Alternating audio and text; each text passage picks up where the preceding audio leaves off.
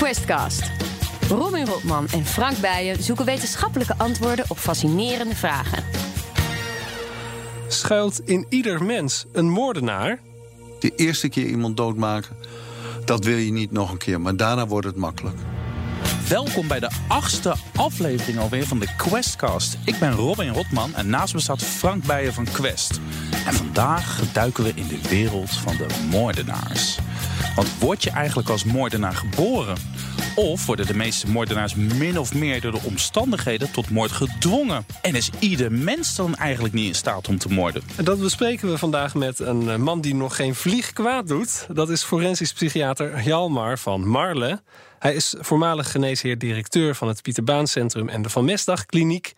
En emeritus hoogleraar forensische psychiatrie in Nijmegen en Rotterdam. Zouden er mensen zijn in Nederland die meer moordenaars hebben ontmoet en in de ogen hebben gekeken en misschien wel de hand hebben geschud dan, dan, dan jij, Jammer? Ehm, nou, ik heb natuurlijk een heleboel collega's. Ehm, maar ik moet inderdaad zeggen, ik heb mijn eh, hele werkzame leven in de forensische psychiatrie doorgebracht. Ook als behandelaar en polyklinisch. En dus ik heb heel wat mensen, ook moordenaars, dus de revue zien passeren. Ja, wat is je daar het meest in bijgebleven? Want ik vind het best wel extreem eigenlijk. Ik vind het best wel heftig. Nou, wat mij daar het meest van is bijgebleven, is dat eigenlijk deze mensen geen schuldgevoel hebben over wat ze hebben gedaan. En dat bedoel ik zo, van dat de eerste reactie is natuurlijk ook om het gesprek te beginnen. Waarom heb je dat gedaan? Uh, is dan dat er heel vaak wordt gezegd: ja, hij vroeg erom of hij bedreigde mij. In ieder geval was er niks van. Ik heb mezelf niet weten te beheersen. Het is altijd de schuld van die ander geweest. Of hij liep in mijn mes. Dat zijn ook nog van die uitdrukkingen die je kent. maar het is, dus de, de schuldvraag wordt meteen bij de ander gelegd. Die heeft dat uitgelokt. Die heeft dat over zichzelf afgeroepen. en met een mooi woord heet dat externaliseren. Het overkomt ze eigenlijk gewoon een beetje. Ja, het overkomt ze. En sterker nog, voor ons als wetenschapper overkomt het ons ook. Want een echte theorie over agressie en moord en doodslag hebben we eigenlijk niet. Nee, ik kan me voorstellen dat je niet uh, dat het geen wiskundig model zal zijn. Oké, eh, factor x en y. dat maakt dat we zeker weten dat deze man over tien jaar een moord gaat plegen. Dat hebben we niet. Nee. Maar er zijn misschien wel aardige voorspellers. Te, te er zijn aardige voorspellers, maar toch de nulhypothese, om het zo maar eens te zeggen. Het meeste wat je tegenkomt en waar je telkens weer versteld van staat, is gewoon de verkeerde persoon op de verkeerde plek. dat is eh. Een heleboel slachtoffers vallen dus toevallig. Deze man met zijn slechte humeur en zijn mes was toevallig op hetzelfde punt aanwezig als het slachtoffer. En dat, is geldt, die, die toevalsfactor krijg je niet weg. Ja, dat geldt dus niet alleen voor de zogenoemde uh, vergismoorden, als iemand uh, voor iemand anders wordt aangezien, maar dat geldt eigenlijk ook voor andere moord en doodslag. Uh, je bent een, een pechvogel als je bent vermoord. Ja, nou, de, kijk, nou, nou kom je natuurlijk hè, van de, vergismoord. Je mhm. zegt het al echt, hè, je hebt moord. Dat is opzettelijk met voorbedachte raden, vaak door beroepsdelinquenten. Dat zijn natuurlijk heel wat anders als de delinquenten met een antisociale persoonlijkheidsstoornis, met angstaanvallen, met een psychose. dat zijn echt wel drie grote verschillen. Beroepsmoordenaars, daar heb je als psychiater eigenlijk niks mee te maken. Behalve dan dat je moet vaststellen dat ze niet gestoord zijn. dus aan het begin. Mhm. Als je het onderzoekt, zoek ik natuurlijk altijd... Is, is er een stoornis aanwezig of niet? En vervolgens ga je natuurlijk kijken van wat zijn nou de motieven geweest. En nou ja, moord, dat zei ik al, is opzettelijk en voorbedachte raden.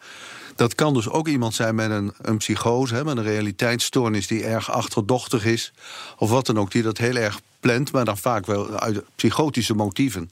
Hè, achter, misplaatste achterdocht of het idee dat iemand de wereld aan het uh, opblazen is. Of hè, dat, dat uh, één ding wat ik dus wel eigenlijk zo gemeenschappelijk vind, is van het is zijn eigen schuld. Om het even heel simpel te zeggen. Had hij maar niet voor mij moeten staan dreigen.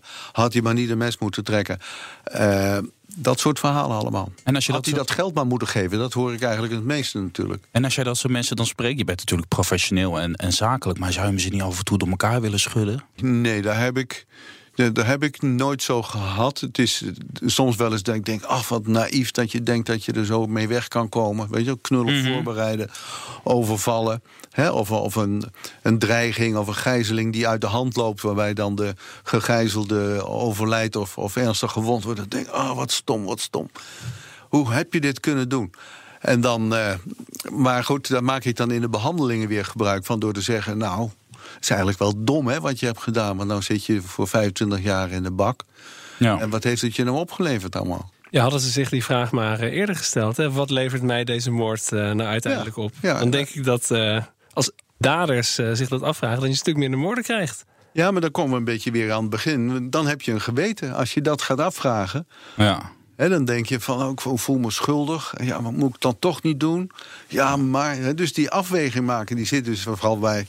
jonge moordenaars zit daar helemaal niet bij. Nou, misschien zijn, er wel twee, zijn dat wel twee verschillende dingen. Want als je die uh, afweging zou maken, wat is een moord? Dat, is dat zou een rationele afweging kunnen zijn. Hè? Grote pakkans, ontzettend veel bloed, alleen maar ellende. Terwijl wat levert me op? Misschien uh, uh, een buit van een overval of zo. Terwijl als je echt een geweten zou hebben, dan zou je die moord natuurlijk helemaal niet plegen, denk ik. Nee, precies. want dan mensen met een geweten die wegen dat allemaal af tegen hun geweten. En als je dan ook nog verstandig bent, dan denk je, en je, en je kijkt wat om je heen, dan denk je, hier begin ik allemaal niet aan. Dus Sla je fatsoenlijke mensen hebben allemaal ergens die afweging gemaakt, bij wijze van spreken. Frank heeft een paar stellingen die hij aan je wil voorleggen. Oké. Het is heel simpel, het is ja of nee en nuanceren kan achteraf. Oké. En als je de samenleving veiliger wilt maken, dan werkt behandelen beter dan straffen. Ja, zeker. Wetenschappelijk aangetoond. Als we de doodstraf zouden invoeren, dan schrikt dat dusdanig af dat het moordcijfer zou gaan dalen. Uh, dat denk ik niet, gezien de ervaringen die wij hebben in Zwitserland en in de Verenigde Staten van Amerika. Als je de doodstraf gaat invoeren, heeft de boef, die dus iets doet waar de doodstraf op staat, heeft niks meer te verliezen. Dus die bewapent zich goed om weg te komen. En dan krijg je dus zo'n kettingreactie dat ook de politie gaat zich weer zwaarder bewapenen. je geeft bank employés ook een wapen. Dus dat, eh, de doodstraf geeft eerder escalatie dan uh, dat het afschrikt. Dan uh, deze stelling die we op Twitter hebben gezet. Dat is, ik zou nooit in mijn leven iemand kunnen doden. Wat, wat denk jij? Hoeveel procent heeft ja gezegd en hoeveel procent nee? Nou, ik zou we zeggen, twee derde heeft ja gezegd, een derde nee. Dus jij denkt dat twee derde van de mensen heeft gezegd dat ze nooit iemand zullen doden? Nee, net andersom. Dus eh, ik zeg, ik denk dus dat als je zo die vraag stelt, hè, om willekeurige mensen, dat twee derde daar ongeveer zegt van nou, ik kan me best een situatie voorstellen waarin ik iemand doodmaak. Terwijl ze dat nog nooit hebben gedaan. Dat klopt heel aardig. Het is inderdaad 39% die zegt ik zou nooit kunnen doden. 61, 61% is daarmee oneens. We hadden 119 stemmen. Kijk eens aan. Kijk eens aan. Bestaat zoiets als een moordgen of moordhersenen? Of zijn er mensen beter toegerust op, om, om te moorden? Nee, er bestaat geen moordgen en er bestaat zelfs geen criminaliteitsgen. Dat is ook nog een hele tijd, zijn we daar op zoek naar geweest. Maar het is gewoon een, een combinatie van, van genetische aanleg uh, hoe je bent groot geworden. Dus maar groot worden hoort ook al in de, in de baarmoeder. Hè, wordt een kindje ook al groot. Mm Wacht even, er bestaat geen uh, gen, maar het is wel een combinatie van genetische aanleg? Dat snap ik niet. Nou, hoeveel genen heb je? Een paar duizend, ja, 15.000 geloof ik. Dus, en er werken dus best een aantal genen werken mee dat jij uiteindelijk aan het einde van alle uh, oorzaken en, en, omstandigheden moordenaar wordt. Dus dan is er wel sprake van genetische aanleg uh, uh, om een moordenaar te worden? Ehm, nee, er bestaat geen. nee, want in de genetische aanleg zit geen motief. Genetische aanleg is bijvoorbeeld dat je minder gauw bang bent dan anderen. Je cortisolspiegels liggen anderen. Genetische aanleg is dat je impulsiever bent dan anderen. Uh, genetische aanleg is dat uh, je moeder tijdens uh, haar zwangerschap met jou in haar buik uh, bijvoorbeeld te veel alcohol dronk of te veel nicotine gebruikte of veel stress ondervond van een agressieve vader die haar terroriseerde. Al dat soort invloeden krijg je dus al in de baarmoeder. En je weet dan is het kindje in aanbouw. En dat wil dus ook zeggen dat het fundament van zo'n kindje gewoon dat daar een paar zwakke plekken in zitten. Dus we hebben een paar bepalende factoren die, ment, die een mens tot een moordenaar kunnen maken. Dat is dus uh, de, de, hetgene pakketje wat je krijgt waarin blijkt dat je misschien omstandigheden sneller boos, impulsief, je omstandigheden in het gezin. Ja. Uh, Na je 25ste is, is, zijn je hersenen pas uitgerijpt dus daarna rijpen ze niet meer, maar wordt het weer een beetje minder vanwege de ouderdom. dus dan heb je een relatief stabiele fase. En uh, dan zie je ook met het ouder worden, dan, uh, dan daalt ook onze vitaliteit, et cetera. ik bedoel, de, de beroepsdelinquent boven de 45, dat is dan meer een capo die tutti capi, die, achter, die rustig achter zijn bureau zit, maar die spreekt niet meer over de balie. He, verkrachters heb je ook niet meer boven de 45. Dus het is echt zo'n piek tussen de zullen we zeggen, tussen de, de 15 en de 35 jaar... dat echt mensen, vooral mannen, is ook een belangrijk risico. testosteron het hoogste is. Ik, uh, ik kan me voorstellen dat testosteron er ook mee te maken heeft. Uh, maar niet 1, 2, 3. Testosteron maakt dat je meer risico neemt. Vrouwen die, die je dus in een experimentele situatie testosteron laat gebruiken, durven meer. Maar het is niet zo dat testosteron op zichzelf agressie geeft. Daarvoor we hebben een theorie nodig. We doen iets namelijk testosteron delen door de cortisol. En dan krijgen we een beetje een voorspeller van gevaar, van, van, agressief, van uh, gevaar op agressie. Maar dan kun je niet zeggen dat die persoon dus per definitie ook iemand dood gaat slaan. Maar goed, dit zijn dus een paar factoren, een, een, een heel pakket factoren die op elkaar ingrijpen en die de kans groter maken. En wat zijn dan uiteindelijk de triggers die ervoor zorgen dat op dat moment uh, dat, dat daadwerkelijk iemand tot die moord overgaat? Wat zijn dan die triggers? Nou, de, de triggers, dat zijn in feite dus uh, de omstandigheden. He, want de moordenaar moordt niet 24 uur per dag. Dus daar heb je die omstandigheden. De toevalsfactor waar we het al over hebben gehad. He, je bent net de verkeerde been uit bed gestapt. En net kom je een brutale vent tegen die gedronken heeft en te weinig afstand houdt. Ja, en dan ga je door het lint. Zo is dat dan vaak. Ja, ik heb daar nou nooit last van als ik met mijn verkeerde been uit bed stap. Dat soort moorddadige neigingen. Nee, Hangt het maat dus, een beetje vanaf of ik een Uzi binnen gaan we dus er weer meer vanuit. Hè? Dus dan krijg je die risicofactoren. Hè? Gebruik van middelen, met name cocaïne en alcohol. Hè? Uh, dingen als impulsiviteit, geeft een verhoogde kans. Maar het is niet dat alle impulsieve mensen opeens moordenaars worden. Nee, maar, en dan dus koken, hè, middelen gebruiken en dan ook nog impulsief. Dan ook nog externaliseren, hè, dus gewetenloos. Dat maakt iemand dat iemand er steeds een grotere kans krijgt. Slechte vrienden is ook heel, heel berucht ervoor. Hm. dat slechte vrienden kunnen mensen die anders nooit uh, geweld zouden plegen ook meeslepen daarin, als, als medeplichtige. En wat al mijn uh, mijn onderzocht ook altijd zegt van... nou kijk, de eerste keer iemand doodmaken... dat wil je niet nog een keer, maar daarna wordt het makkelijk. Dus ook daarin krijg je dan nog een soort routine. En nou zeker met slechte vrienden. Nogmaals, dat is een hele belangrijke factor. Nou, en dan krijg je natuurlijk ook armoede, gebrek aan zingeving. Denk aan de terroristen ook gebrek aan zingeving. Dat je het gewoon slecht hebt en dan geef je iedereen er de schuld van. Behalve jezelf. En dan kun je nog een beetje op een hoger niveau tillen. Dat zijn allemaal, nou ja, armoede, geen vaste relaties. Dat zijn allemaal factoren die uh, hebben we ook risicolijsten van. Die vinken we af en dan kun je ook een getal op krijgen. En dan uh, weten wij ook wat we daarmee moeten doen. Maar dat nogmaals. Is jagend, hè? Ja. Eh, dat de tweede en derde moord minder moeite kost. Zo makkelijker. Ja. Oh, de rillingen levert het op.